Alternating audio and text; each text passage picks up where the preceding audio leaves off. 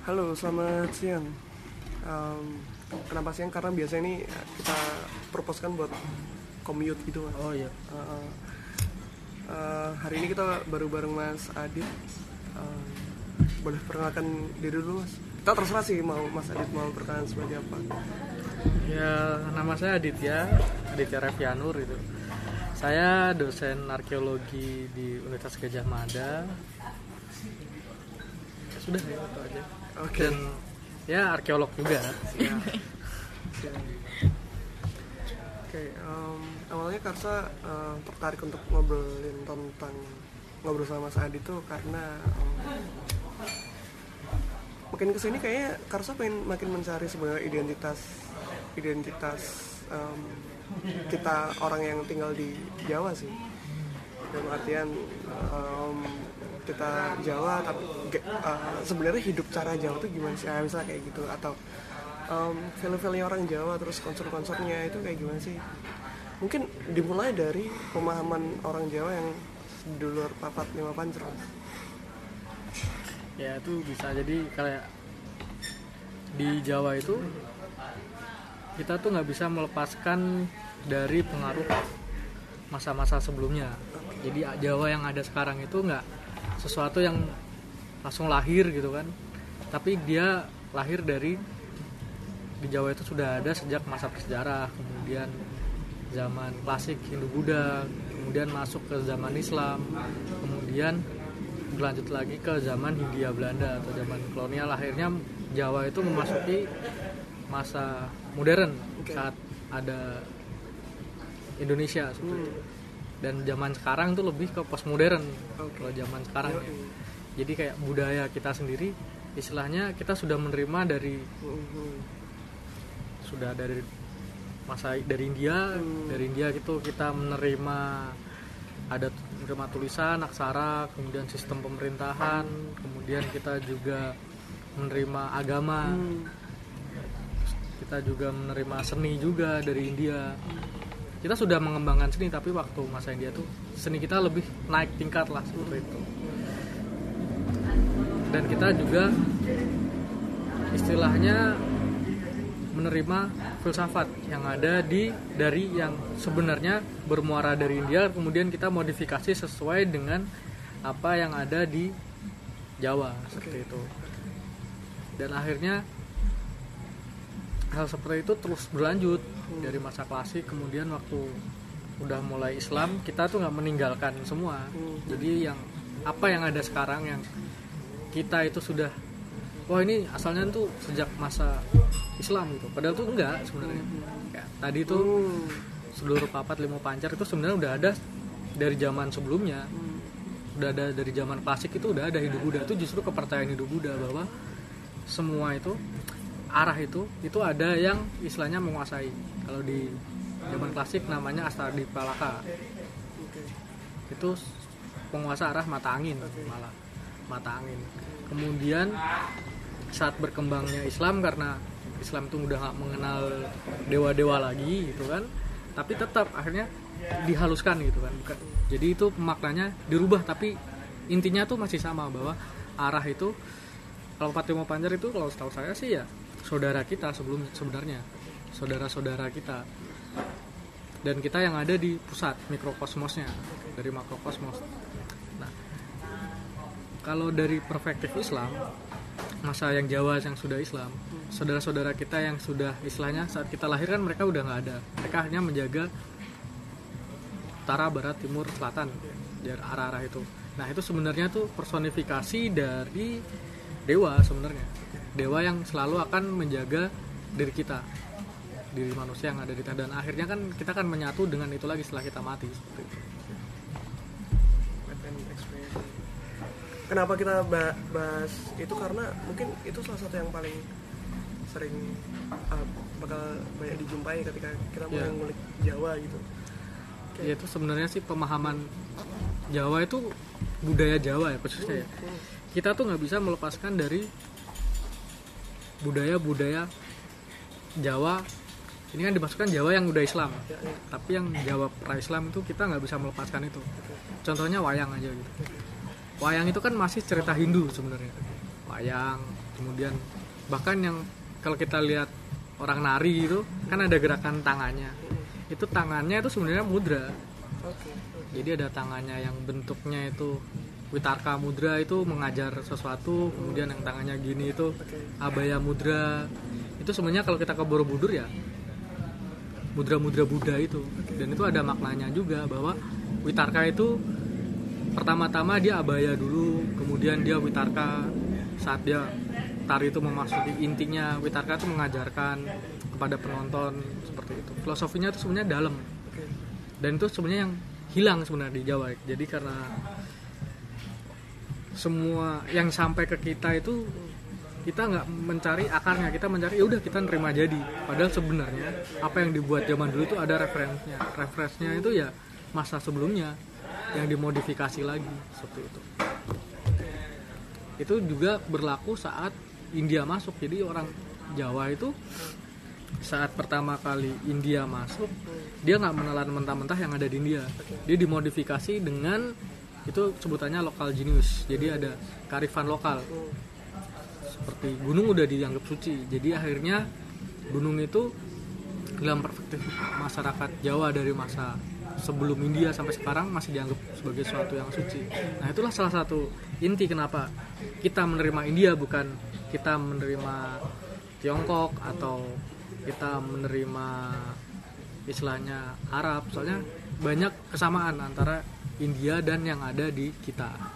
Seperti gunung kemudian figur seseorang yang uh, apa namanya itu kepala suku itu dianggap sebagai sesuatu yang istilahnya powerful gitu kan.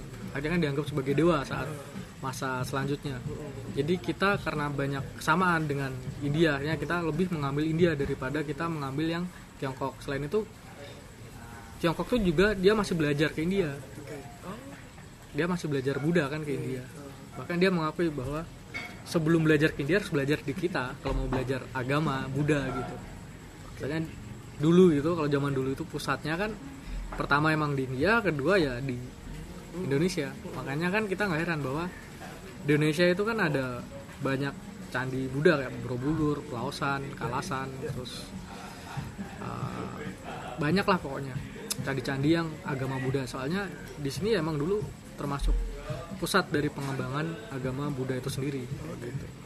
Oke, kalau ngomongin apa em, kayak wakil Tuhan tadi sempat Iya. nyinggung wakil Tuhan Em, itu di raja dihormati Iya, dan sampai anak turunnya mas iya itu sampai Heeh.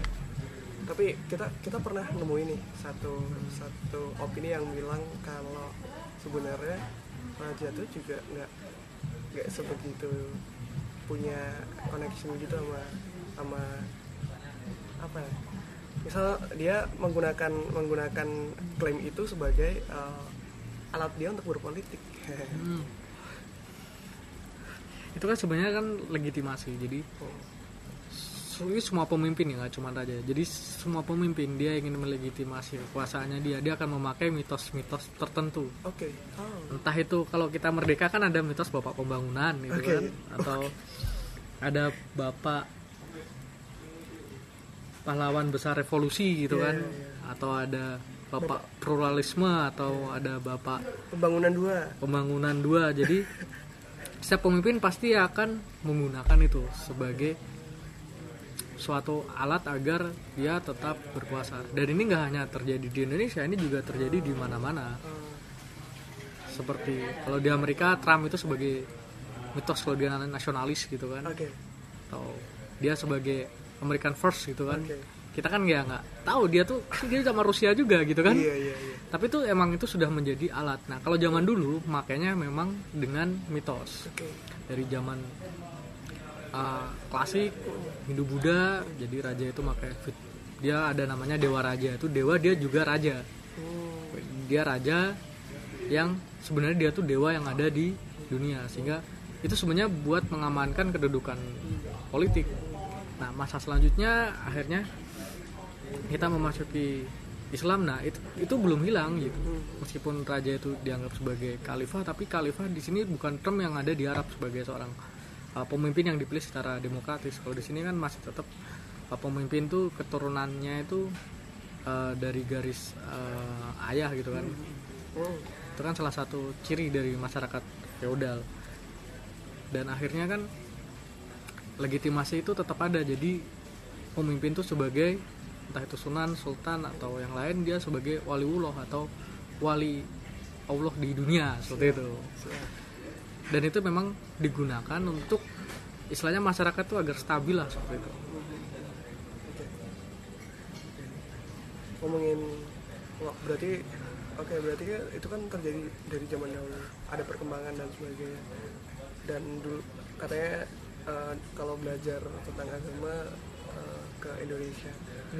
Berarti kalau se- sebenarnya keahlian keahlian Indonesia itu apa sih berarti maksudnya Iya. dari zaman dulu tuh yang diturunkan untuk kita. kita punya keahlian yang terus diasah terus turun ke kita terus dipertajam lagi turun lagi. Itu sebenarnya banyak ya. Jadi saya tuh nggak setuju sama yang ditulis sama Mukhtar Rubi soal orang-orang Indonesia. Yang dia ngomong Indonesia tuh terlalu arsi santuy gitu kan. Ya terus dia dia kan karena dia compare-nya itu sama Barat ya terus dia melihat orang Indonesia seperti ini kita lebih ke korup gitu. Sebenarnya yang diomongin mereka tuh ya yang diomongin dia tuh sebenarnya ya kenapa kita melakukan itu? Kan kamu tahu bahwa orang-orang Indonesia ini orang-orang yang suka ngobrol. Oke. Terus akhirnya membuat relasi. Oke. Nah relasi itu harta itu kita mengasih ke orang lain itu kalau di barat tembarat itu sebagai bentuk gratifikasi gitu. Iya. padahal kayak kita ngasih ngasih aja gitu bukan gratifikasi gitu kan. iya, iya. kalau di Jawa kan kayak ada orang dia mau nikahan gitu. Terus ada orang lain dia ngasih sumbangan macam-macam. Kalau di perspektif masyarakat modern itu ya gratifikasi. Padahal kalau di Jawa itu sebagai suatu yang istilahnya merekatkan suatu persaudaraan bersama seperti itu. Gotong royong. Ya itu komunalisme orang Jawa seperti itu. Terus itu salah satunya itu yang yang harus yang masih dipertahankan dari zaman dulu sampai sekarang tuh komunalisme itu selain itu jadi kemampuan orang kita membuat suatu karya seni arsi sekali gitu kan kalau di arsi dari lahir berarti ya Iya, tuh udah, iya kita udah arsi dari lahir. Jadi sebelum ada sekarang gitu kan, istilahnya kita bentuk ukir-ukiran gitu. Dari zaman prasejarah itu sudah ada namanya tato. ah, ah iya, iya. Tato dulu itu kan masih tradisional, gitu masih ada kalau kamu ke Mentawai, ke Dayak, itu kan mereka masih buat eh, tato. Dan patut diduga dicurigai juga bahwa batik itu sebenarnya dari tato, pengembangan dari tato juga. Oh iya juga ya? Dari kan namanya kan tik.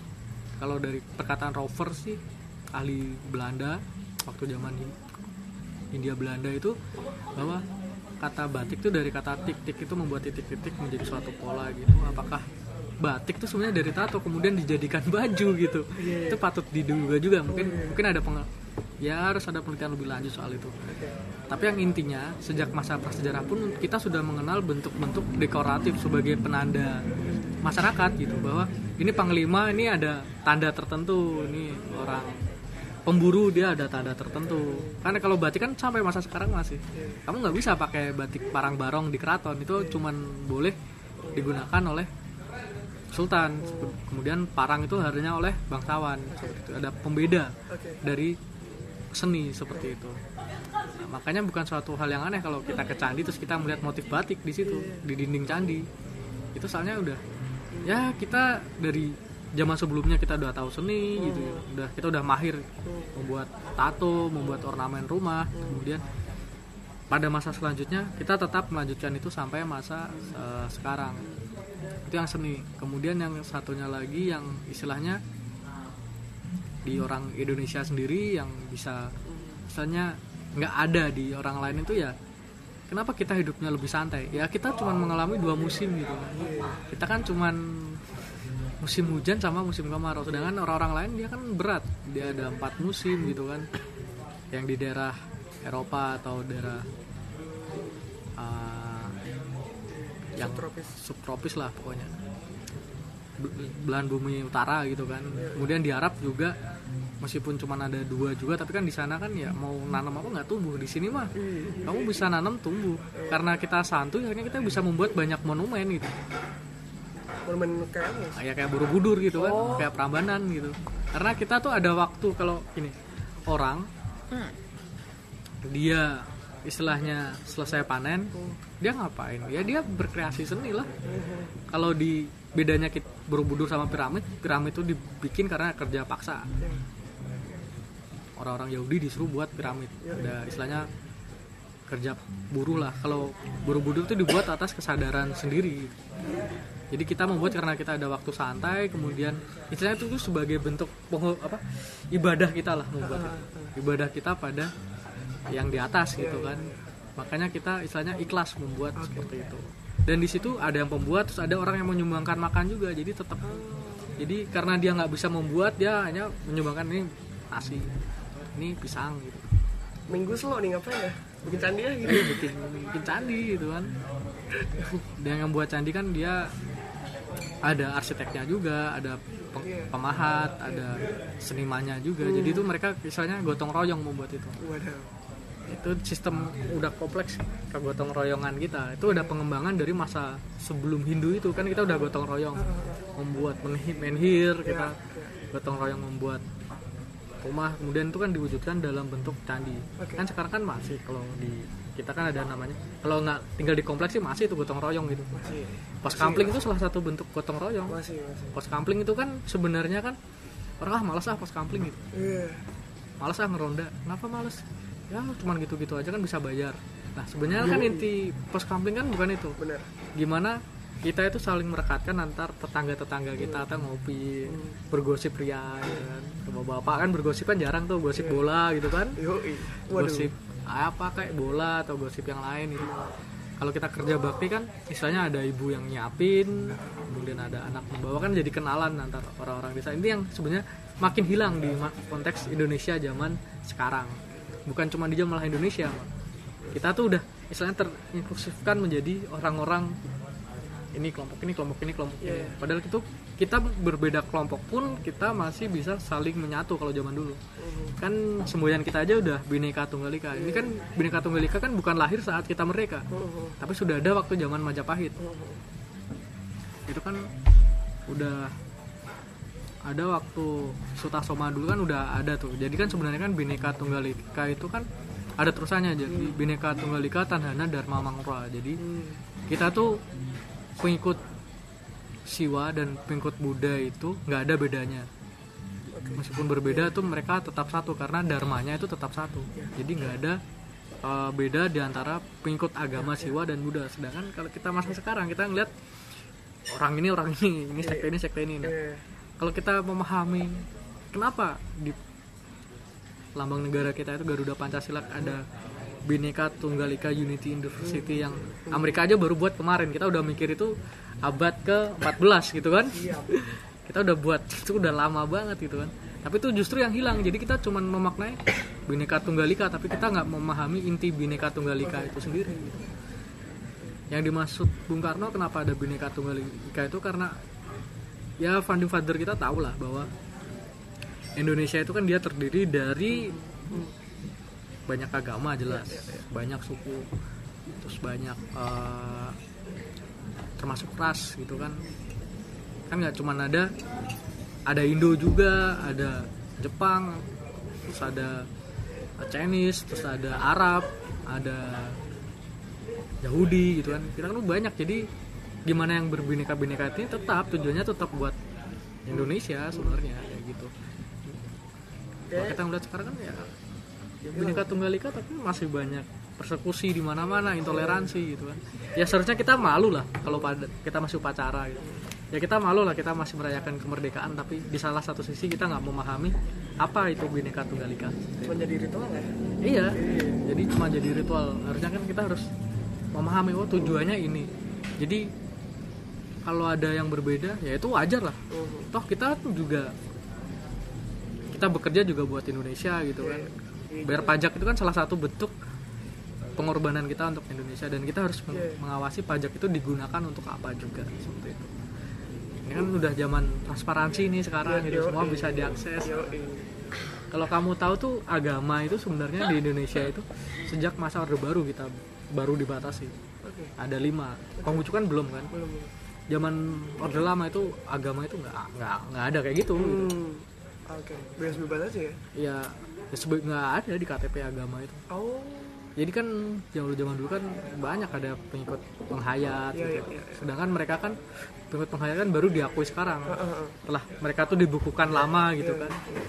Kan kan dulu kan banyak orang yang agama lokal dia akhirnya berpindah ke agama tertentu. Karena kalau nggak menurut agama itu langsung PKI gitu kan. Oke langsung mati gitu ya? Ya entah itu mati atau hilang kan langsung Oke. dicap istilahnya yang lain gitu kan. Padahal di Indonesia sendiri kan kita mengenal bahwa di luar lima agama yang besar kita kan ada kepercayaan kepercayaan lokal yang adanya sebelum kepercayaan itu yang tetap dilestarikan sampai sekarang. Dan itu jumlahnya nggak hanya puluhan itu ada ratusan juga. Ternyata alasan nggak akses kamling karena kami introvert. Ya itu salah satu cara buat kita nggak introvert Iya. sebenarnya. Salah satu cara buat kita Meleburkan. meleburkan diri. Ya tetap ada introvertnya lah setiap orang. Dia ingin ada me time gitu. Iya. Tapi kan salah satu sisi pihak kita sebagai makhluk sosial kita kan nggak nggak istilahnya gimana ya? Kita udah bermasyarakat dan kita harus kenal dengan tetangga kita. Contohnya kalau kita ada apa-apa pasti yang paling pertama orang tahu permasalahan kita adalah tetangga kita. Bukan kalau kita udah udah berkeluarga ya atau di kosan lah pasti yang tahu tuh orang pinggir-pinggir kosan. Bukan orang tua kita. Kalau kita sakit pasti yang tahu tetangga kosan kita. Kalau buat mahasiswa gitu. Makanya harus kenal sama yang kos di pinggirnya gitu. Dulu aku tetanggaan sama Christian Gonzalez mas. Oh iya Oh, oh. di sini. Eh, pas main Oh. buat Sleman. Ah Kaca Sleman Terus, dulu kan. Heeh. terus tetangganya kebakaran. Mm-mm. dia ikut dia ikut lari ikut ikut ini. Iya ikut madamin ya? Ikut madamin. Itu terus pemadam kebakarannya datang Hmm. ya, udah padam ya udah foto-foto. Ini sebenarnya ada yang menarik. Jadi Amerika Latin itu hampir sama sama kita karakternya. Oh iya? Amerika Latin itu bukan orang individual jadi mereka suka ngobrol suka nongkrong. Ya sama orang Itali lah. Orang Itali kan kayak gitu. Iya. Mereka bukan tipikal yang mekanik gitu. Mereka lebih mem- mementingkan family. Jadi family itu ada family yang tingkat keluarga yang keluarga inti dan keluarga besar. Iya. keluarga inti ya bapak ibu anak. Keluarga besar itu kan semua desa kan keluarga. Kalau di Jawa itu kan meskipun sebenarnya kita nggak ada hubungan darah gitu Hmm, tapi tetangga kita kan kita menganggap dia sebagai keluarga gitu. Iya iya. Sebagai suatu keluarga besar. Iya. Nah, kita balik lagi ke Bhinneka Tunggal Ika itu. Keluarga besar yang dimaksud founding father kita ya Indonesia ini keluarga besar yang terdiri dari banyak golongan seperti itu. kekomunalan ini Kekomunalan ini. Ini yang yang ya lama-lama makin terkikis lah karena ya kita sekarang kalau kita ngobrol kan jarang ya anak zaman sekarang yang yang ngobrol HP diletakin. iya iya Kita kan kalau ngobrol ya ya pegang sendiri-sendiri gitu. Sedangkan kalau kita di desa karena ada game, akhirnya mereka pegang HP sendiri-sendiri. Hmm. Ya itu salah satu lama-lama ya akan hilang kayak gitu. Jadi semua tuh bisa diselesaikan dengan uang. iya waduh Jadi kayak aman ya kita bayar orang gitu. Padahal kan inti dari kenapa ada suatu kegiatan kayak kerja bakti ada pos kamling ya itu salah satunya buat merekatkan persaudaraan itu. gimana gimana guys gimana? Terus aku apa lagi pertanyaan. dia gemes Oh iya. dia suka gemes mas kalau ada masalah-masalah gitu terus dia Iya, jadi aku mau nanya. Nah, eh, ini udah gak serius nih. Tapi Oh ya. sebenarnya kayak kenapa sih itu bisa terjadi? Maksudnya dari awalnya kita tuh eh, kalau dari cerita tadi ya, itu kan bener-bener udah sangat ya itu tuh kita banget gitu loh. Tapi kemudian prog- progresnya, pergerakannya itu sampai sekarang kemudian kita bisa kayak gini tuh kenapa sih mas? Kayak misal tadi tuh aku jadi ini beberapa kejadian baru tadi nih. Iya. Eh, kalau tadi kalau tadi Mas Adit bilang eh, dulu kita tuh punya banyak waktu sampai kita selalu aja bikin candi gitu loh Iya. candi candi mohon maaf candi oke sedangkan sekarang misal dengan adanya eh, GoFood atau GrabFood Iya. itu kita tuh jadi kayak eh, dulu aku pesan GrabFood aja walaupun bayar lebih mahal Hmm. tapi kan paling enggak aku nggak harus ke sana jadi aku hemat waktu sedangkan kemudian pertanyaanku di sana adalah tunggu emang kalau kau nggak keluar beli makanan kau mau ngapain gitu loh Iya. seolah-olah kayak dia tuh kayak nggak punya waktu untuk kemudian em, untuk beli makanan nggak punya waktu gitu loh sedangkan kita kita dulu kayaknya tuh slow banget sampai bikin candi gitu loh Iya. Nah itu prosesnya sampai kemudian kita jadi masyarakat dengan karakter seperti ini tuh ada apa sih di situ? kita tuh sebenarnya gagap sama teknologi Oke. teknologi ini kan dia tools buat kita hidup jadi kalau kita ngelihat teknologi zaman dulu sampai zaman sekarang ini ya sebenarnya sama aja itu buat menghidupi buat kita kan ada namanya teknologi itu yang bersifat profan dan sakral nah HP itu kan termasuk teknologi yang istilahnya kan profan gitu kan saat kita mengalami gagap teknologi contohnya gini sebelum ada kita order-order gitu dulu kalau kita mau ngojek kita pasti kenal sama langganan ojek pangkalan. Kita bahkan tahu anaknya dia kuliah di mana anaknya dia kerja di mana gitu kan tahu. Ya. kalau nggak gitu kita makan di suatu warung kita kan tahu istrinya dia siapa anaknya dia siapa karena kita tuh nggak cuman beli kita ngobrol kita tahu namanya dia dan kita rekomendasi ke orang lain enak loh masakan dia di sini. Sedangkan saat teknologi itu ya kita lihat ada diskon kita order gitu. Itu ada yang hilang sebenarnya di situ. Yang hilang tuh ya sifat kita itu sendiri. Jadi kita lebih ke hubungan kita tuh lebih dinilai hubungan materi aja gitu. Hmm. kita melupakan hubungan relasional kita. Hubungan materi itu ya kayak tadi bisa ngebayar apa abang-abang Gojek, GrabFood, tapi kita kan lupa bahwa ada manusia di situ gitu. Siapakah manusia itu ya? Orang yang buat kopi kan baristanya kan uh, apa? manusia. Kemudian abang yang nganter itu kan juga manusia. Kita kan cuma ngechat udah sampai bang, wah ya udah gitu. Padahal kalau kita ngojek kan dulu diantar sampai ke rumah. Kadang-kadang udah nyampe rumah masih tadi gimana neng di kantor gini gini gini oh iya itu anak saya gini gini gini kan akhirnya kan ada hubungan relasional saat kita kan tahu bahwa kita kalau kita ingin butuh orang ini nggak ada kemudian kita mempertanyakan di manakah orang Iya, yang iya, iya. ini? Oh ternyata dia ya? sakit. Kita kan otomatis langsung menjenguk dia. Iya iya iya sehingga saat ada teknologi sekarang buru-buru kita mau ngejenguk orang itu. Kita juga nggak tahu rumahnya nggak kenal dia. Kita cuma ngebayar dia. Itu karena kita udah dinilai dari sisi materi itu. Hidup kita dinilai materi itu.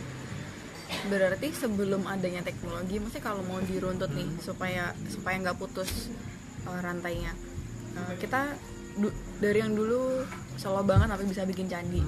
Terus sekarang kayak gini, itu berarti sebelumnya tadi karena ada faktor pertama karena kita gagap teknologi. iya Nah, sebelum akhirnya gagap teknologi, apa yang kemudian bikin kita itu eh, dengan mudah kemudian nge-switch itu yang tadinya yang tadinya misal ini aja deh eh, se- yang tadinya mau pada ronda Hmm.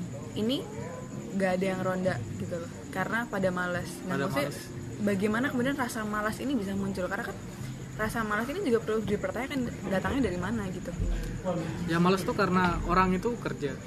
Terus dia orang zaman kerja itu orang kerja zaman sekarang tuh beda sama orang zaman dulu. Pernah dengar istilah salaryman nggak di Jepang gitu?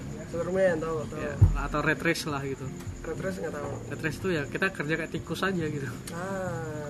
Kalau salaryman itu ya sama kayak salaryman sebenarnya kalau kita ngelihat kecenderungan orang bekerja sekarang terutama di kota-kota besar itu dia kan sebagai salaryman. Bukan dia kerja karena passion dia tapi kerja karena uang. Hmm, nggak nggak- nggak gerak nggak nggak makan nih nggak hidup nih. Gak hidup. Padahal ya ya kalau kita dari perspektif kita sendiri apa sih nggak bisa hidup di Indonesia gitu? Iya. Kalau orang di luar di Jepang itu dia ada kedinginan gitu kan. Kalau dia nggak jadi salaryman dia emang mati gitu kan. Kalau di sini buat apa sih jadi salaryman itu akhirnya kan kita mengalokasikan itu buat belanja buat oh ya juga ya. buat apa ya? Buat traveling tersiar lah buat tersiar ya buat yang apa tuh seharusnya tuh kalau kita ingin melakukan itu ya just do it gitu. Kalau kita nggak bisa melakukan itu ya udah gitu. Tapi kalau sekarang kita harus melakukan itu ngejar uang akhirnya mengorbankan banyak waktu kita. Gitu. kita akhirnya istilahnya bekerja bukan untuk diri kita tapi untuk uang kita gitu. Oke. Terus kenapa itu bisa sampai ada di Terus? Indonesia? Kalau aku ngeliat sih karena istilahnya zaman udah berubah ya. Kita Oke. udah nggak kalau mungkin di desa-desa masih zaman tuh masih. Jadi mereka masih bertani kemudian mereka masih ngeronda sedangkan di kota-kota besar hidupnya lebih eksklusif nggak ada waktu pulang terutama saya udah lama di Jakarta jadi istilahnya tahu bahwa orang kerja pulang jam pulang sore baru bisa naik kereta malam uh, punya rumah terus sampai di stasiun itu udah malam pulang-pulang udah langsung tidur. Dan besok jam 5 harus berangkat kerja lagi. Ya. Itu udah kayak dan sabtu minggu dipakai buat istirahat. Istirahat. Sedangkan ya kalau di daerah Jawa di rumah. GoFood di rumah. Kalau sedangkan di daerah-daerah lain di desa-desa gitu ya mereka kan jadi saya pernah itu di desa, suatu desa Temanggung. Teman itu azan sholat. Dia bukan waktu azan sholat. Tapi waktu azan sholatnya setelah selesai bertani. Yang harusnya jam 3 itu baru jam 4 itu ngajak orang biar ketemu. Orang-orang yang di sawah biar ketemu bareng akhirnya ngobrol bareng kayak gitu. Kalau di Bali itu ada namanya puja Trisandia itu waktu sore nah ada waktu buat orang-orang selesai bekerja. Nah selesai bekerja itu ngapain? Ya kita selesai bekerja kita sosialisasi kita ngobrol sama tetangga. Tapi itu ada exact waktunya kayaknya udah pukul segini deh kayaknya kita perlu itu tadi. Itu nggak ada itu terserah yang mau manggil aja kalau desa-desa gitu. Oh. Jadi meskipun harusnya yang itu panggilan buat sholat itu jam 3 tapi mereka baru bisa yang mau manggil tuh jam 4 karena dirasa ya udah selesai lah di sawah akhirnya mereka kan pulang kayak gitu siap-siap kayak gitu. Itu masih kalau desa-desa Jawa. Sedangkan di kota-kota besar ya pulang kerja jam 4 gitu. Habis kerja ya mungkin cicat bentar habis itu ah kereta nih masih penuh. Tapi harus pulang ya udah. Desak-desakan akhirnya pulang dan nyampe rumah malam. Dan itu mereka akan tidur lagi. Nah ini kan sebenarnya kan pola-pola hidup yang istilahnya yang sebenarnya bukan kita banget tapi kita tuh harus menerima itu. Ya contohnya itu ya ya kalau kalau kata anak berdikari ya kita bekerja buat kapitalisme lah kira-kira kayak gitu.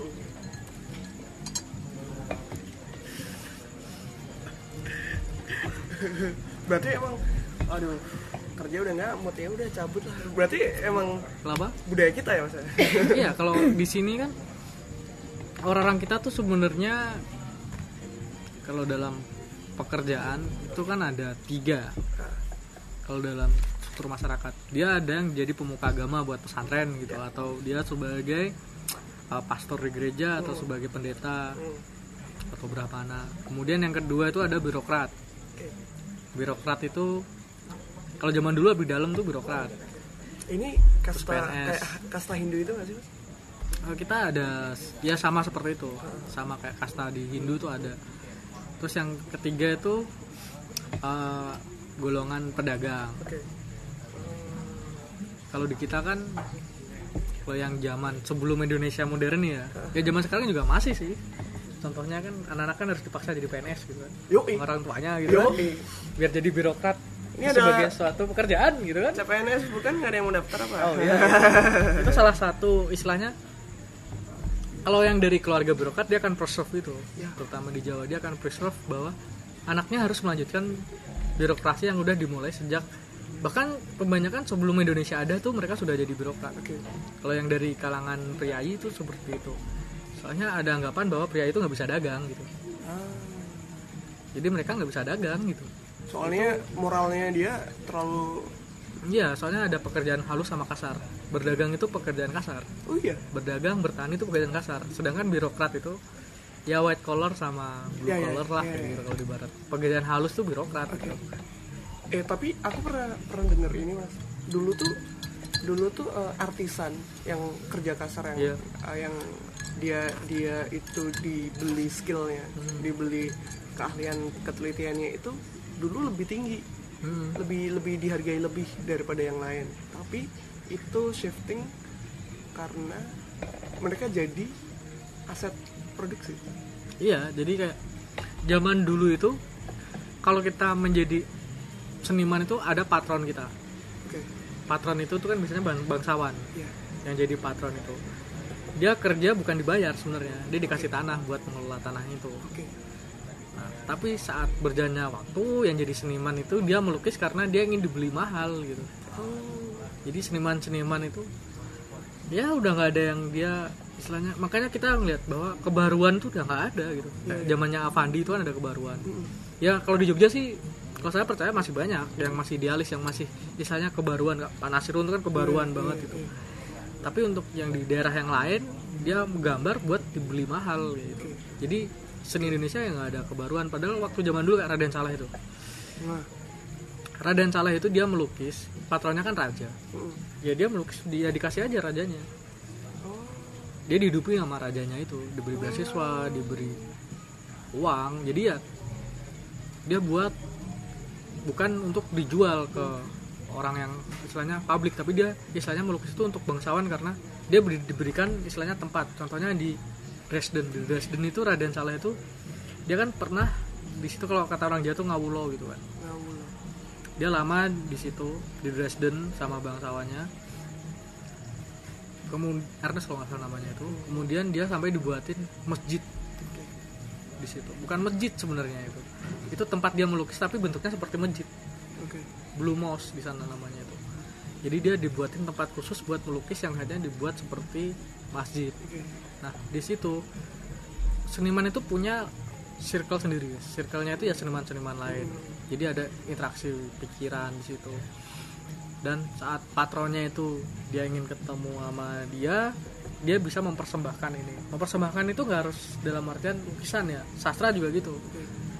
Puisi itu puisi atau sastra itu emang ditujukan buat itu. Tapi seling, seiring berjalannya waktu ada galeri seni ada misalnya yang membeli itu. Jadi seniman itu dia melukis ya dibayar. Oke. lukisan Raden Saleh itu kan mahal kan karena baru aja. Dulu kan lukisannya kan ya dipersembahkan sama kerajaan aja. Oke.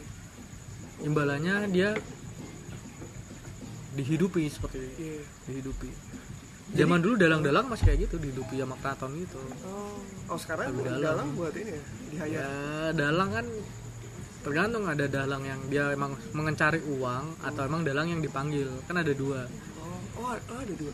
jadi dalang itu ada dalang yang dia mencari uang dia membuka jadi dia bisa ngedalang panggil aku dong gitu dan dia dalang yang udah terkenal akhirnya pak main di sini gitu.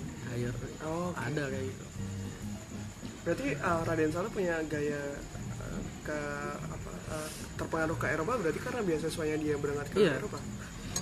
ceritanya dia itu kan dia diambil sama Payen karena ya orang pelukis dari Oke. Belanda Belgia itu Oke. dia ngeliat ini orang punya bakat gitu bisa bakat gambarnya dia diajarin gambar ternyata dia menonjol akhirnya dia dibawa ke Belanda untuk belajar melukis di sana sama pelukis-pelukis Belanda. Akhirnya dia jago. Dan akhirnya dia nggak ketemu dia nggak hanya belajar sama orang Belanda tapi dia juga belajar sama Vermeer terus sama Delacroix. Akhirnya kan lukisannya itu lebih terpengaruh uh, Renaissance. Tapi uniknya Raden Saleh meskipun dia terpengaruh itu tetap ada sisi Jawanya itu. Pakaiannya tetap Jawa. Ada yang meskipun ada yang Arab tapi lebih banyak tuh ada yang ciri-ciri Jawanya. Kemudian dia juga sempat memodifikasi lukisannya Rembrandt Oke. sempat yang ada istilahnya perahu itu lupa judulnya sih Iya. tapi itu ada yang perahu terus dia menggambar dia menggambarkan berbeda dia menggambarkan suasana renaissance bahwa perahu itu hancur ditabrak sama gelombang itu kan sebenarnya menggambarkan keadaan yang ada di Indonesia ini Iya. yang orang-orang pesisir tuh kalau dia melaut tuh ada sisi ditabrak Hmm. karang atau Iya. dia nabrak karang atau dia tabrak gelombang besar gitu. Kok kayaknya ceri- cerita-cerita tentang Indonesia gitu-gitu tuh kita kok selalu didatengin gitu sih, Mas? Maksudnya ada kita nggak pernah mendatang ke sana ya? Kita nggak nggak pernah pergi ke mana terus kamu kamu? Nah gitu nggak nggak nggak nggak yang mempengaruhi buat keluar tapi apa emang kita tuh udah genetiknya mager? Oh enggak. Kita tuh ya itu tadi kalau birokrat dia emang di sini aja gitu. Oke. Tapi kan orang Indonesia itu dan sejak zaman dulu kan nggak hanya birokrat dia ada pelaut juga kan. Kita kan ada lagu kan nenek moyang Ya. orang pelaut Ya, gitu. ya. terus di Borobudur juga banyak relief kapal gitu kan kapal laut. Tapi kenapa kok istilahnya pomo posisiannya tuh kita selalu didatangin entah dari India Arab gitu gitu. Itu karena kolonial aja sebenarnya. Kita dibuat pasif sebenarnya sama kolonialisme itu dibuat pasif gitu. Padahal kalau kita melihat justru kita itu aktif. Ada sih orang Belanda yang dia membantah itu juga ada. Membantah kalau kita pasif. FDK Bosch itu dia membantah kalau orang Indonesia itu pasif. Oke. dia orang Belanda tapi dia ngebantah itu.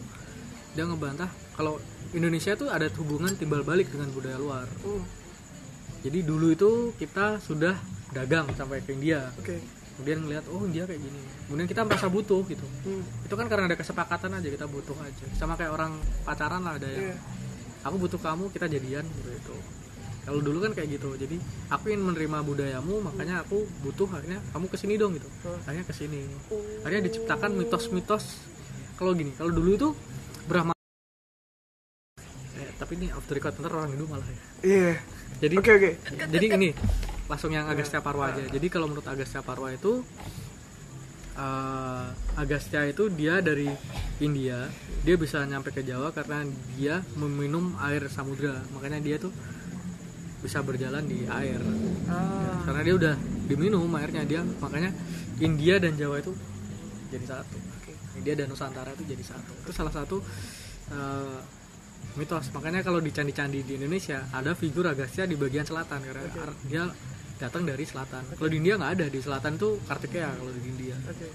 sedangkan di Jawa kan ada istilahnya pemuliaan terhadap sosok Agastya itu terus kembali lagi ke tadi kalau kita melihat bahwa di kita tuh sebenarnya dagang itu nggak cuma ada di Nusantara aja kita Oke. bahkan sam- dulu tuh ada namanya jalur rempah-rempah cinnamon cinnamon Iya. trade itu jalurnya itu sampai ke Madagaskar sampai ke Afrika Oke. Soalnya di sana masih banyak kata-kata Austronesia Misalnya. ya Rahardian gitu kan Raden gitu kan. Itu banyak di kan selain terkenal kan Ma- Madagaskar itu kan salah satu. Ya banyak sih kalau dari studi genetik juga. Banyak orang-orang seperti orang Jawa gitu kan di sana. Terus kemudian kita juga misalnya dagang sampai ke ya kemungkinan besar kita juga datang dagang juga ke Arab gitu daerah-daerah yang lain tapi memang belum sampai ke Hmm. eh, mana Eropa. Eropa. Kita baru sampai Afrika tuh Banten. Oke. Jadi Kesultanan Banten itu dia mengirim utusan waktu zamannya Shakespeare. Jadi waktu zamannya Shakespeare itu karena Banten ini kaya ya, itu Iya. bahkan Inggris saja mengakui bahwa Sultan Bantam kan dia Bantam kan Bantam itu dia benar-benar kesultanan yang kaya raya Inggris itu ngakui. Akhirnya kita mengirim utusan ke situ, kemudian dijamu sama Inggris. Oke. Dan kita kan istilahnya kan aktif kita mengarungi samudra juga. Tapi karena itu dia orang lain itu kan mencatat. Hmm. Kita nggak tahu catatan kita di mana. Waduh. Apakah kita mencatat apa enggak? Oke. Kalau menurut pendapat pribadiku sih, ah. kita itu nggak pernah mencatat Karena. karena kita budaya tutur. Oh. Kita bukan budaya mencatat seperti orang Eropa atau uh, Iya. Chinese gitu kan. Oke. India itu juga tutur sebenarnya, tapi dia beberapa satu sisi dia mencatat juga. Oke. Kita sebenarnya mencatat tapi kita membuat karya sastra. Oke. Jadi Oh. itu catatannya itu disamarkan dalam bentuk karya sastra. Iya. Kalau dokumen jurnalistik di Indonesia yang paling tua kan negara Kertagama itu dia mencatat perjalanan hayam muruk jalan-jalan Iya. terus kehidupan orang Majapahit ya gimana. Tapi itu kan baru komplek lokal, belum yang internasional gitu. Kan kita kan ya internasional ada sih prasasti Nalanda itu Bala Putra Dewa itu dia membuat asrama di India kemudian dia dicatat. Jadi para orang-orang yang belajar Buddha dari Swarna Dwipa dari Sriwijaya dia belajar ke Nalanda itu terus dibuatin asrama sendiri dan itu bunganya bukan satu arah. Oke. orang dia tuh juga ke sini juga. Contohnya Atisa itu ke sini buat belajar Buddha. Dia malah ke sini bukan. Dia tuh ceritanya dia sudah belajar di Nalanda dia udah di tapi dia belum mendapatkan ngehnya dari pelajaran agama Iya. pelajaran Buddha itu dia akhirnya dia belajar sama Dharma Kirti itu dia pangeran sebenarnya. Pangeran tapi dia lebih memilih menjadi seorang guru besar agama. Hmm. Maha biksu gitu kan. Akhirnya dia belajar ke Sriwijaya dan Jawa. Oke. dan akhirnya dia menemukan oh ternyata tuh gini. Akhirnya dia membawa ke India dan akhirnya tuh disebarin sampai ke Tibet sampai masa sekarang. Jadi intinya dari Tibet tuh ya akhirnya di Jawa sebenarnya. Itu juga apa karena orang-orang kita yang tadi selo itu jadinya punya waktu untuk kemudian berpikir sebenarnya berpikir. kita kita Berpikir dan kontemplasi. merenung Ah.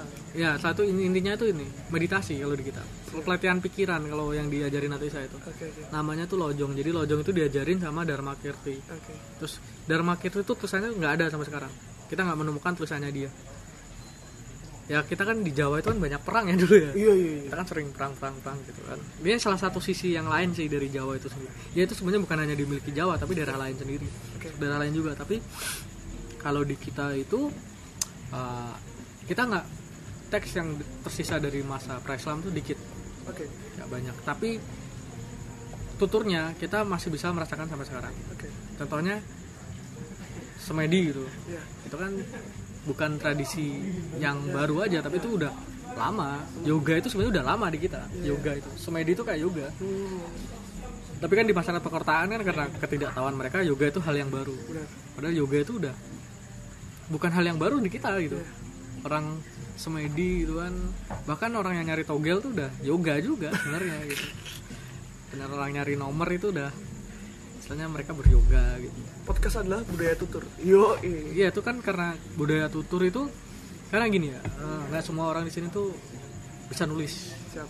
Mereka mendengarkan oke. mendengarkan apa yang diucapkan oleh orang dan itu mendengarkan dipahami sama, oke. sama orang itu. Akhirnya mereka lebih ke laku kalau di Jawa itu laku lebih ke lakunya. Tutur. ngomongin laku mas. Ah, kita juga pernah pernah dapat cerita tentang pangeran Diponegoro ya yang gerilya terus yang gerilya itu. dia bisa dia bisa hilang gitu. hilang bisa ke mana terus kayak ditemuin jubahnya ada Iya. ada mantra apa gimana. Raja gitu kan. Raja ada rajahnya gitu kan. Ya itu karena dulu itu kan ciri khas orang Jawa itu percaya pada kekuatan supranatural. Karena dia setiap ruang di kita itu dimaknai. Oke. Setiap iya, ruang. Iya. Dan setiap ruang itu ada halus dan kasar. Oke. Kasar itu kita. Oke. Halus tuh yang di other kita. Iya iya iya. Contohnya pohon beringin. Oke. Pohon beringin itu ada yang halus. Oke. Yang kasar ya kita. Iya, iya, pohon iya. beringin di keraton tuh kita yang kasar tapi Iya, iya, iya. ada penunggunya di situ. Ada yang halus. Semua tuh ada penunggu bahkan di WC ada di kursi ada. Karena kita ada percaya itu. Dan untuk orang-orang tertentu itu bisa istilahnya menjadi suatu legitimasi. Suatu legitimasi dari kalau dia tuh emang melebihi orang-orang kasar pada umumnya. Oke. jadi dia udah hu- superhuman lah istilahnya Iya. karena dia dia menguasai ininya menguasai itu dan akhirnya muncul mitos-mitos kalau dia bisa menghilang macam-macam. Oh oh iya, kita nggak tahu apakah dia bisa menghilang atau enggak gitu. Iya iya iya. Tapi sudah ada mitos seperti itu untuk melegitimasi bahwa itu sebenarnya untuk membedakan dia dengan orang biasa. Oke. Pangeran Diponegoro kan bukan orang biasa. Iya. Dia udah pangeran udah berdarah biru gitu keturunan raja. Makanya ada misalnya mitos-mitos tertentu. Sama kayak Bung Karno juga. Bung Karno kan dia punya mitos dia menikah dengan Nyi Roro Kidul juga. Iya. Itu kan salah satu mitos bahwa dia tuh harus dibedakan dengan orang-orang pada umumnya. Yang soal tadi apa tuh? Eh, kita punya wisdom eh, kita, kita- kita punya cerita kita punya story tapi itu nggak dituliskan tapi di eh, istilahnya tutur iya. Gitu. Nah eh, kalau soal dongeng sendiri mas. Hmm. soalnya waktu itu aku pernah dengar katanya dongeng itu juga salah satu cara untuk kemudian eh, orang-orang terdahulu kita menyampaikan Hmm. cerita-ceritanya lokal wisdomnya tapi dengan eh, dikemas dengan cara yang kemudian tidak gamblang. Iya. Terenkripsi. Terenkripsi semacam itu. Itu bener ya? Iya kayak gitu. Jadi kayak dongeng itu kan sebenarnya dia keadaan ini pernah terjadi. Hmm. tapi keadaan ini biar dia nggak sebagai suatu kisah yang receh gitu. Kan oke. Dia harus ada mitos biar orang menjadi tertarik. Iya. Oh. Oke. kayak ini dongeng loro jonggrang gitu kan. Iya. Loro jonggrang itu kan dikutuk jadi batu. Oke kita kalau dari kalangan arkeologi sendiri itu nggak ada cerita kayak gitu. Hmm. yang dia ta- batu tuh arca durga gitu. Tapi perang yang masih diinget di situ tuh ada. Jadi perang Joko Tingkir sama Panembahan Senopati di Kaliopak itu memang ada perang di situ. Oke. kita akhirnya yang perang yang ada dari dia dari situ. Dan perangnya itu karena apa? Karena perempuan. Istrinya Panembahan Senopati kan ini pak anaknya Joko Tingkir kalau nggak salah itu. Nah itu kan sebenarnya kan karena itu tapi kita menyembunyikannya itu dengan mitos-mitos tertentu agar makna perangnya ini akan merugikan itu tetap tersampaikan bahwa perang itu gak ada gunanya akan merugikan. Jadi kita nggak bisa kita tuh bukan tipikal orang yang straightforward. Muter-muter aja gitu. Tuh. Iya. dan kita tuh harus istilahnya itu kan mengajak kita berpikir logik sebenarnya. Oh ngurutin logika gitu kenapa? Ngurutin logika Iya. gitu itu kan mengajak kita untuk berpikir logik. Berpikir logik dalam artian oh, nggak mungkin nyata ini gitu. Karena kita ber- oh ternyata tuh yang fakta tuh ini yang mitos tuh ini. Oke. Oh iya. Nah itu guidance untuk kita bisa ngelihat mana yang dia fakta atau mana yang dia mitos. Maksudnya dari kalau orang-orang zaman dulu nurunin cerita itu kan berarti kayak ada istilah, istilahnya mereka punya cara-cara tersendiri lah untuk mengenkripsi Iya, buat nerjemahin buat unencryption. terjemahin enkrip- enkripsinya ini gitu. Nah cara-caranya itu gimana sih untuk kita bisa paham itu? Ya caranya kan kan kita ngeliat ini. Manusia kan bisa terbang gitu kan. Oke. Ada yang bisa terbang tapi Ada, itu kan ada. mereka nggak mungkin memperlihatkan pada orang-orang lain. Benar. Oke. Nah kita kan lihat bahwa ya nggak mungkin lah orang bisa terbang tapi ada maknanya cerita di baliknya. Contohnya orang terbang karena ada perang. Oh perang. Tapi perang ini akhirnya merugikan siapa? Ada kerusakan gini-gini. Kita melihatnya ke lebih ke arah situ. Oh. Contohnya gini logik yang lain itu. Soal hutan. Orang zaman dulu kan jangan ke sana di hutan. Di hutan ada penunggunya penunggunya ntar kamu diculik mati gitu kan. Itu kan mitos. Heeh. itu kan salah satu merasionalkan pikiran kita jangan merusak hutan. Oke. Karena hutan itu punya ekosistemnya sendiri gitu. Oke. Hmm, tapi kan kita melihat sekarang kan hutan kan ya udahlah asal tebang. Akhirnya kita kan merasakan sendiri sekarang global warming karena kerakusan kita gitu. Padahal kalau kalian kita ngelihat orang zaman dulu tuh lebih bijak sebenarnya dalam artian hutan tuh mereka ada ekosistem sendiri akhirnya hutan itu menjadi suatu hal yang sakral.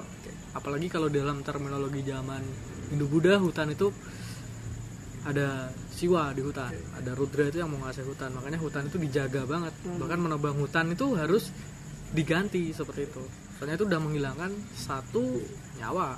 Sedangkan kalau sekarang kita melihat hutan ya babat buat dirusak aja gitu. Padahal akhirnya kan kita merasakan sendiri global warming kita merasakan sendiri. Banjir dan longsor. Ya itu kan karma dari kita sebenarnya ada sebab dan akibat. Yang dimaksud karma kan di situ bukan karma itu. Melakukan ini aku mencuri akan dibahas mencuri itu enggak. Sebenarnya ya siklusnya aja. Kita melakukan ini akibatnya ini. Kayak gitu aja. Kita melakukan menebang hutan akibatnya ini. Kalau kita melestarikan hutan akibatnya kita dihidupi juga sama hutan. Kan kita punya budaya tutur ya mas ya? iya. Kalau Itali dan apa eh, Amerika Latin juga kan juga sama-sama suka berkomunal. Dia punya budaya tutur juga? Kalau di Amerika Latin tuh permasalahannya tuh kolonialisme kalau mereka. Apa itu? Jadi mereka kan dijajah sama Portugis dan Spanyol. Iya. Dan penjajahan mereka tuh beda sama Belanda. Oke. Kalau Belanda kan dia menjajah hanya buat duit. Oke oke. Main duit duit duit ya. Kalau mereka kan nggak. Mereka jadi struktur sosial struktur uh, ekonomi itu diganti semua. Dan struktur politik. Jadi orang asli kan ada Native American Ya. kan mereka harus dipaksa asimilasi dengan ikut budaya Spanyol dan Portugis oke sehingga kita di sana itu yang orang aslinya kan Inka, Iya. terus Aztec itu Iya. kan kita udah hilang mereka sebenarnya, udah hilang kontak. Sama seperti orang Filipina sebenarnya. Orang Filipina tuh sama mereka udah lost contact. oh iya Di mereka kan mereka udah nggak tahu budaya sebelumnya mereka. waduh resikonya apa mas kalau udah nggak tahu ya Ya mereka akhirnya ya hidup dengan cara Portugis dan Spanyol. Mereka udah lupa rootnya mereka. Di Belanda kan nggak. Belanda kan sebenarnya salah satu sisi Belanda tuh tetap preserve kita. Belanda itu pokoknya asal kita dapat menguntungkan mereka aja iya jadi hanya Belanda itu merubah struktur ekonominya aja tapi untuk struktur politik struktur sosialnya Belanda itu nggak Belanda itu justru melanggengkan itu soalnya dia butuh kita struktur politik struktur ekonomi berubah kan saat ada Indonesia gitu. Kita kan berubahnya kan di situ saat yang dari dulu feodal dia menjadi sistem uh, demokrasi Iya. republik seperti itu ini Indonesia ya bukan Jogja ya Iya, Indonesia alat produksi sejak dulu kala. Indonesia ini Indonesia nih Kalau ini mas, eh, ngomongin Portugis sama Spanyol, dulu katanya eh, aku pernah pernah baca mitos, iya pernah baca mitos tentang dulu dunia tuh dibagi dua, oh ya perjanjian Tordesillas arah ke sana, sama arah Portugis. ke sana, terus ntar ketemunya di Banda. iya Itu emang ada. iya jadi kan dulu kan mereka kan saling perang satu sama lain oke ya. akhirnya kan paus itu kan dibagi dua paus Paus. kan agamanya kan katolik oh iya Oh. jadi yang di sana itu apa utara itu Spanyol selatan Portugis buat Oke. mereka nggak mereka kan berantem di Banda itu. Oh Dan di akhirnya- Banda ini? Maksudnya di bukan Banda hanya Indonesia. bukan hanya di Banda Neira tapi di Maluku juga. Oke. Kan mereka kan sebenarnya mereka nggak memperkirakan kalau mereka ke sini tuh ketemu orang-orang Islam orang-orang Mur. Oke. Saat mereka kamar latihan mereka nggak ketemu itu jadi mereka lebih bisa mengalahkan itu. Soalnya kan agamanya beda Iya, iya. terus mereka lebih ini. Sedangkan mereka saat saat mereka itu di sini gitu mereka udah ketemu yang agamanya udah Islam dan mereka pakai meriam juga gitu. Oke. Dan akhirnya kan di sini tuh akhirnya mereka tuh saling berperang sendiri dan dibagi sama paus itu. Dan akhirnya Belanda masuk juga di situ Belanda sama Inggris. Jadi Belanda sama Inggris kan dia ikut meramaikan suasana lah iya. di situ. Sebenarnya itu kan masih dagang waktu itu. Oke.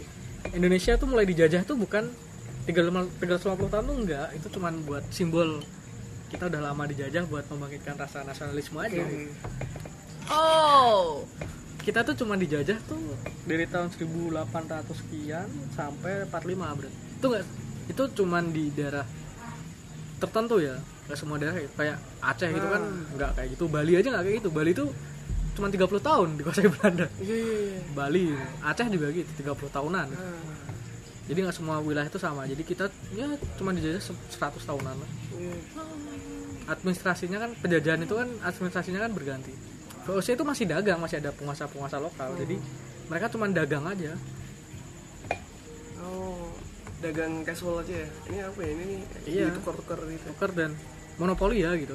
Ntar kamu dapat ini ya? Asal kita sendiri kan kita mau di monopoli sama VOC Weh, makan tuh. Duit ya? Aduh makan tuh duit. Dan VOC kan dia punya hak outro gitu dia bisa buat pasukan perang sendiri buat perjanjian sendiri terus buat cetak uang sendiri. Iya. Nah, karena itu akhirnya VOC kan ya tahu ya jadi Eropa kan waktu itu kan dia merasakan Belanda itu kan dia merdeka dari Spanyol. Hmm, Dia merasakan ada namanya kerajaan. oke Saat itu Belanda republik, tapi di sana itu ada polemik antara pihak republikan dan pihak monarki dari pangeran William van Orange dan keturunannya dan pihak republikan gitu kan. Dan kita kan tahu VOC itu bahwa Indonesia ini masih kerajaan itu oke dan semua orang tuh pengen jadi raja. Oke. Ya akhirnya oh itu Game of Thrones tuh akan terus berjalan. iya Kalau zaman dulu tuh udah ada Game of Thrones gitu, jadi saling merebut kekuasaan tuh udah ada. gitu. Bahkan yang ada di Indonesia sekarang itu nggak ada apa-apanya sebenarnya. oke Kalau Indonesia pemilu kemarin tuh nggak ada apa-apanya daripada suksesi tahta di Jawa gitu atau daerah-daerah lain gitu. Siap. Itu lebih berdarah-darah hal. siap Itu perang beneran beneran Iya. perang. Perang beneran yang Ya perang Berdarah digempur juga. iya. Jadi kalau perang zaman dulu kan ini dia jalin aliansi dengan saudaranya ini ini buat menggempur kakaknya sendiri. siap Ya dia kayak ya kayak Star gitu. Wars jadi nyata ya cuman urusan keluarga tapi Iya urusan keluarga itu. Kalau di Eropa kan juga ya hampir ya 11 12 lah di Eropa kan juga sama juga. Monarki kan selalu seperti itu. ternyata Indonesia tuh udah jadi orang dalam sejak dulu kala ya Kenapa?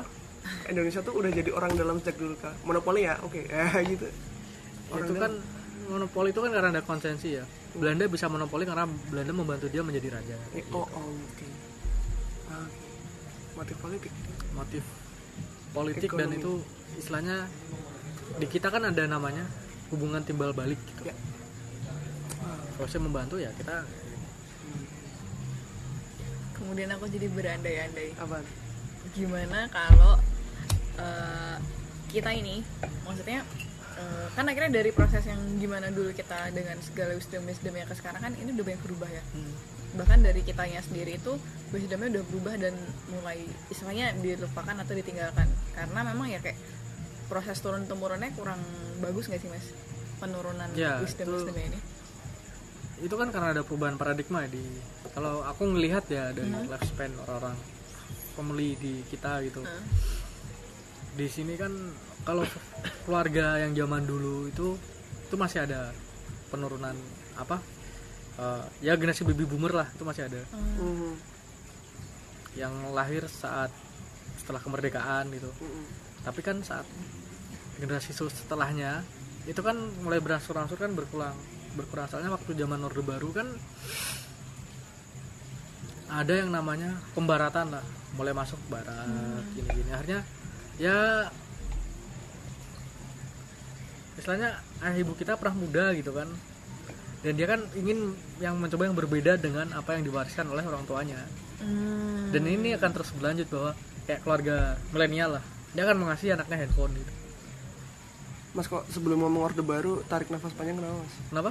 Kok sebelum ngomong orde baru tarik nafas ngerokok. Oh iya sorry apa sih? Oh iya jangan. ya langsung aja kalau mau dulu ya. Itu soalnya ada ini sih. Ada apa namanya?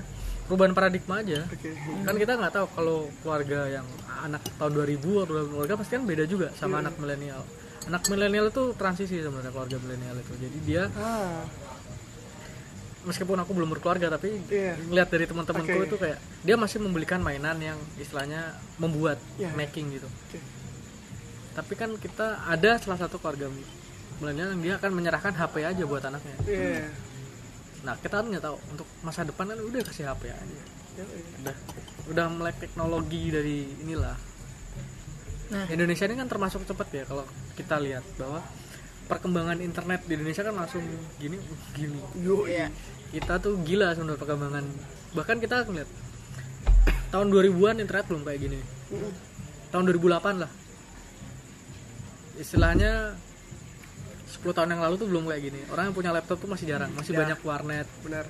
Martel gitu masih ada malah martel gitu kan. Asal DJ itu masih ada. Tapi saat 2012 2013 terutama sih 2014 2013 2014 Indonesia tuh teknologinya tuh langsung naik dan sekarang itu kalau di Asia Tenggara kan udah nomor satu Indonesia. Asia Pasifik kita kan setelah ini eh, Singapura. Ya. Karena kita orangnya banyak ya. Ya, Oh. Jadi kita salah Cina sebenarnya. Menang jumlah. Kita menang jumlah tapi kalau dari persentase semua orang pasti punya HP sekarang. Ya, ya. meskipun dia ada di pedalaman Kalimantan dia punya HP apalagi sekarang ibu kota mau pindah ke Kalimantan. Itu pemataraan teknologi tapi kan kita harus bijak ya memanfaatkan teknologi itu. Ya nggak apa-apa lah pesen gojek pesen apa tapi kan kita harus tetap kenal dengan tetangga kita. Kalau kita ojek pangkalan yang udah sekarang udah nggak ada gitu kan? Nggak ada. Kenapa? Nggak ada. Ojek pangkalan udah digantikan dengan ojek. Tapi kan itu kan bukan suatu halangan untuk kita kenal sama tetangga kita. Itu kan banyak. Kerja bakti Agustusan itu pasti kenal lah sih sama tetangga tetangga kita. Eh, minim- minimal mabar lah ya mas ya. kenapa?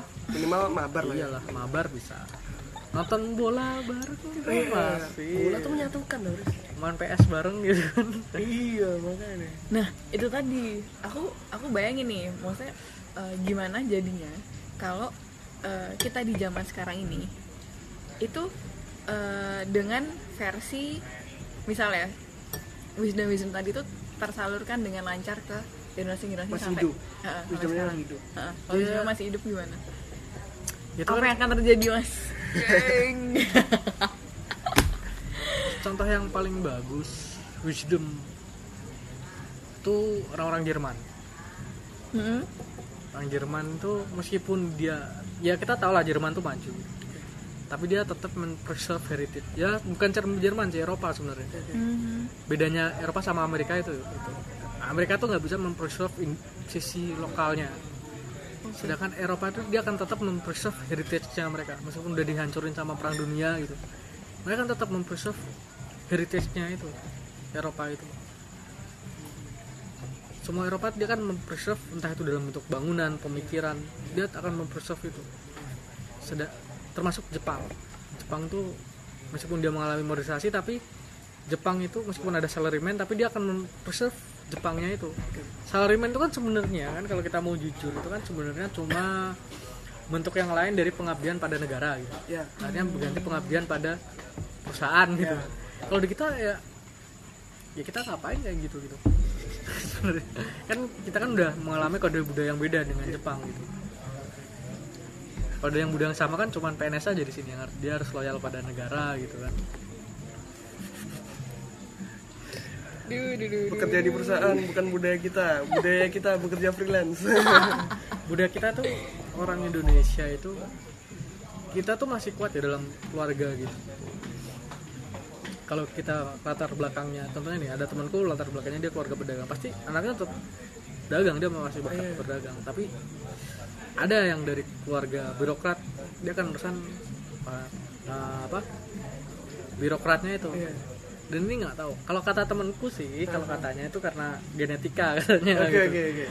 Genetika itu akan turun ke anak yang lain. Jadi Hmm, Mas- kalau contohnya gini dia udah dari zaman dulu lah sebelum ada Indonesia. Zaman Hindia Belanda atau zaman masih zaman kerajaan itu sudah jadi birokrat aristokrat itu terus dia ikut tes CPNS zaman sekarang. Dia nggak belajar pasti akan keterima gitu.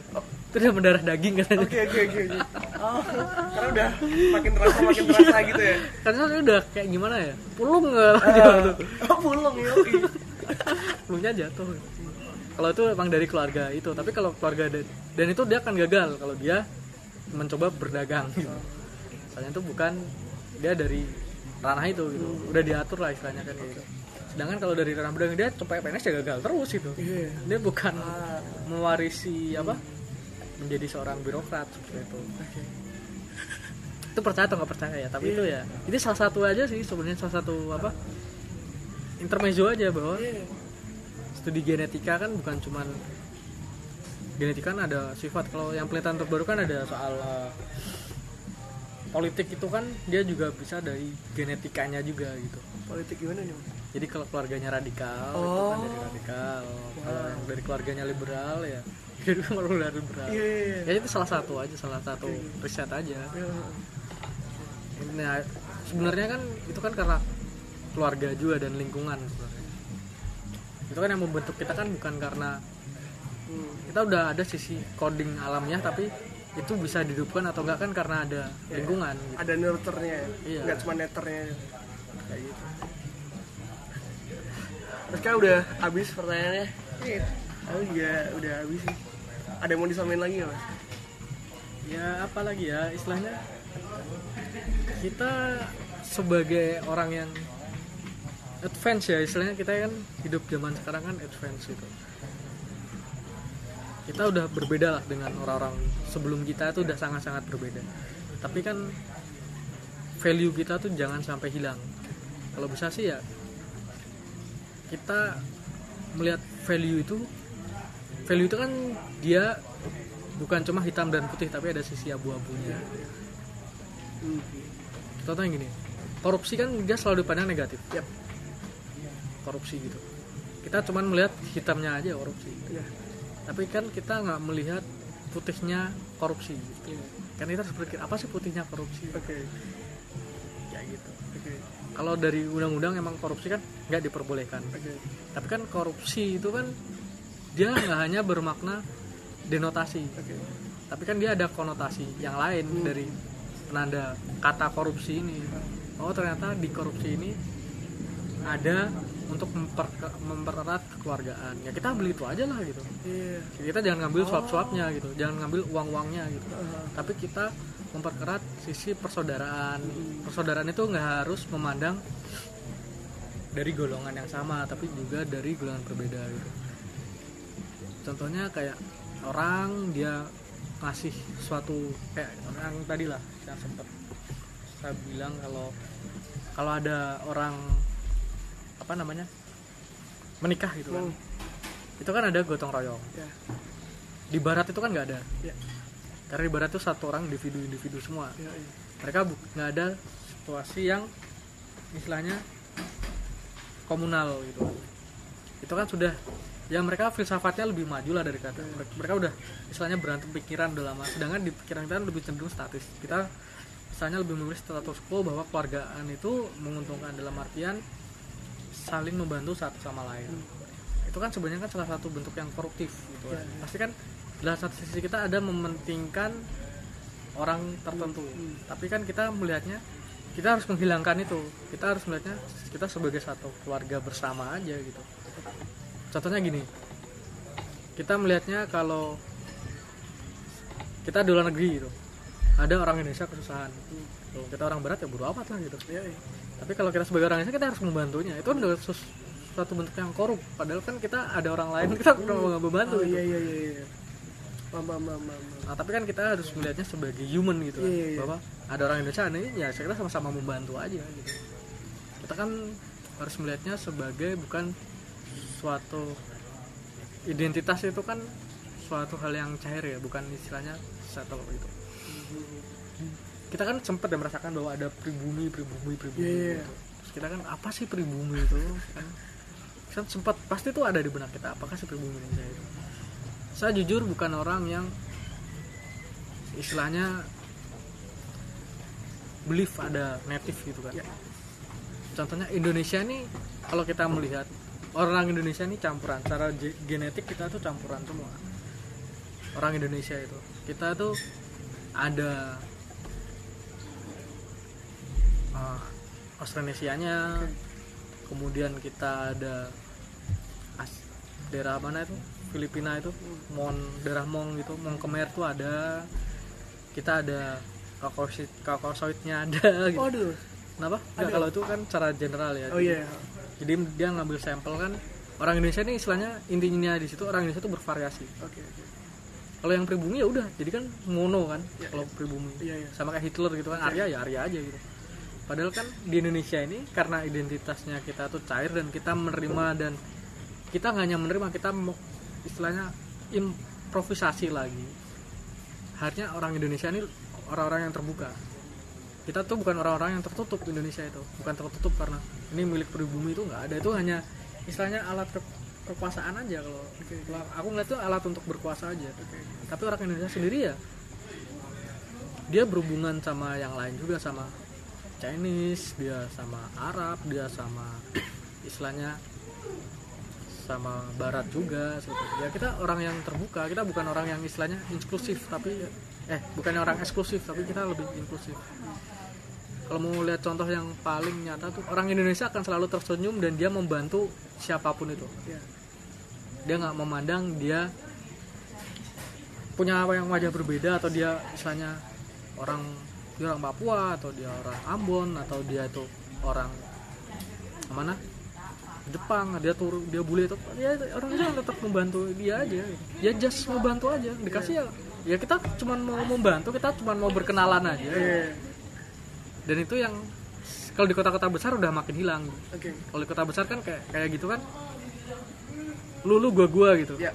kalau di, di Jogja kan belum kayak gitu. Di Jogja kan masih ada serawung ya. Kalau kita ada bule ya sendirian ya kita ngobrol bareng. Iya.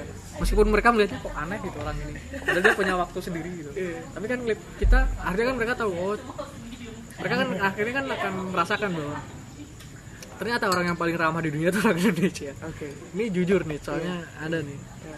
Ah, jadi teman juga orang Jerman dia dia ngakuin. Jadi dia udah tiga tahun di sini dan dia merasakan bahwa orang yang paling ramah di dunia itu orang Indonesia. Soalnya di Jerman nggak akan kayak gitu nggak mungkin dia duduk sendiri terus ada tiba-tiba yang nyamperin terus mau ngajak ngobrol bareng Hmm. itu kan ya something weird gitu kan Iya. aneh banget gitu kan. iya, iya. tapi di Indonesia ya terus dia akhirnya oh ternyata orang Indonesia nih dia emang suka ngobrol Oke. dia di Indonesia tuh nggak ada ranah private kalau kita mau jujur kalau Iya, kita ngeliat iya, sosmed iya, kita kan nggak ada iya. ranah private Iya ya. itu Oh dari sinilah semua keributan itu berasal. itu nggak ada ranah private di sini tuh semua tuh terbuka. Jadi kita menceritakan habis putus kita umbar gitu kan. Kita kita Jadi ya itu korban. ya. Ya Indonesia seperti itu. Kita nggak ada ranah. Kalau di Eropa kan jelas ini privasi itu Ya. kalau kamu nganggup privasi apa laporin polisi di sini kan Iya. nggak ada kayak gitu. Privasi itu di sini tuh. Ya itu salah satu sebabnya karena Indonesia akhirnya internetnya apa literasi internetnya tuh langsung naik sebenarnya kita tuh cuma memindahkan aja Iya. dulu kita ngobrol kayak gini terus akhirnya muncul Facebook Ya. terus muncul Twitter kita tuh cuman memindahkan Medium. media medium aja kita memindahkan ke digital tapi kita tuh rasanya masih sama Indonesia gitu Oke. ya kalau nggak sering ngobrol sih sama temen gitu kalau pemilu ini gak ada internet kita akan jadi seperti tahun 65 Oke. Em, bunuh-bunuhan gitu kan. Tapi karena ada internet ya udah kita bunuh-bunuhan di Iya iya. digital terus kita ketemu kita tawa bareng aja Iya. Oh, ada sisi positifnya ya ternyata ya. kenapa Ada sisi positifnya ya ternyata. Iya itu salah satu. Kalau tahun 65 ada Twitter ya mungkin banyak meme edit gitu kan. atau meme PKI gitu kan dan meme kayak kan ya just kayak gitu aja Indonesia tuh ya kita tuh bukan tipikal orang yang berbuat kekerasan langsung itu pasti ada sebab dan akibat kita benar-benar berbuat kekerasan kayak gitu jadi salah satu kita ramah tapi kita kan nggak hanya melihat dari ramahnya aja.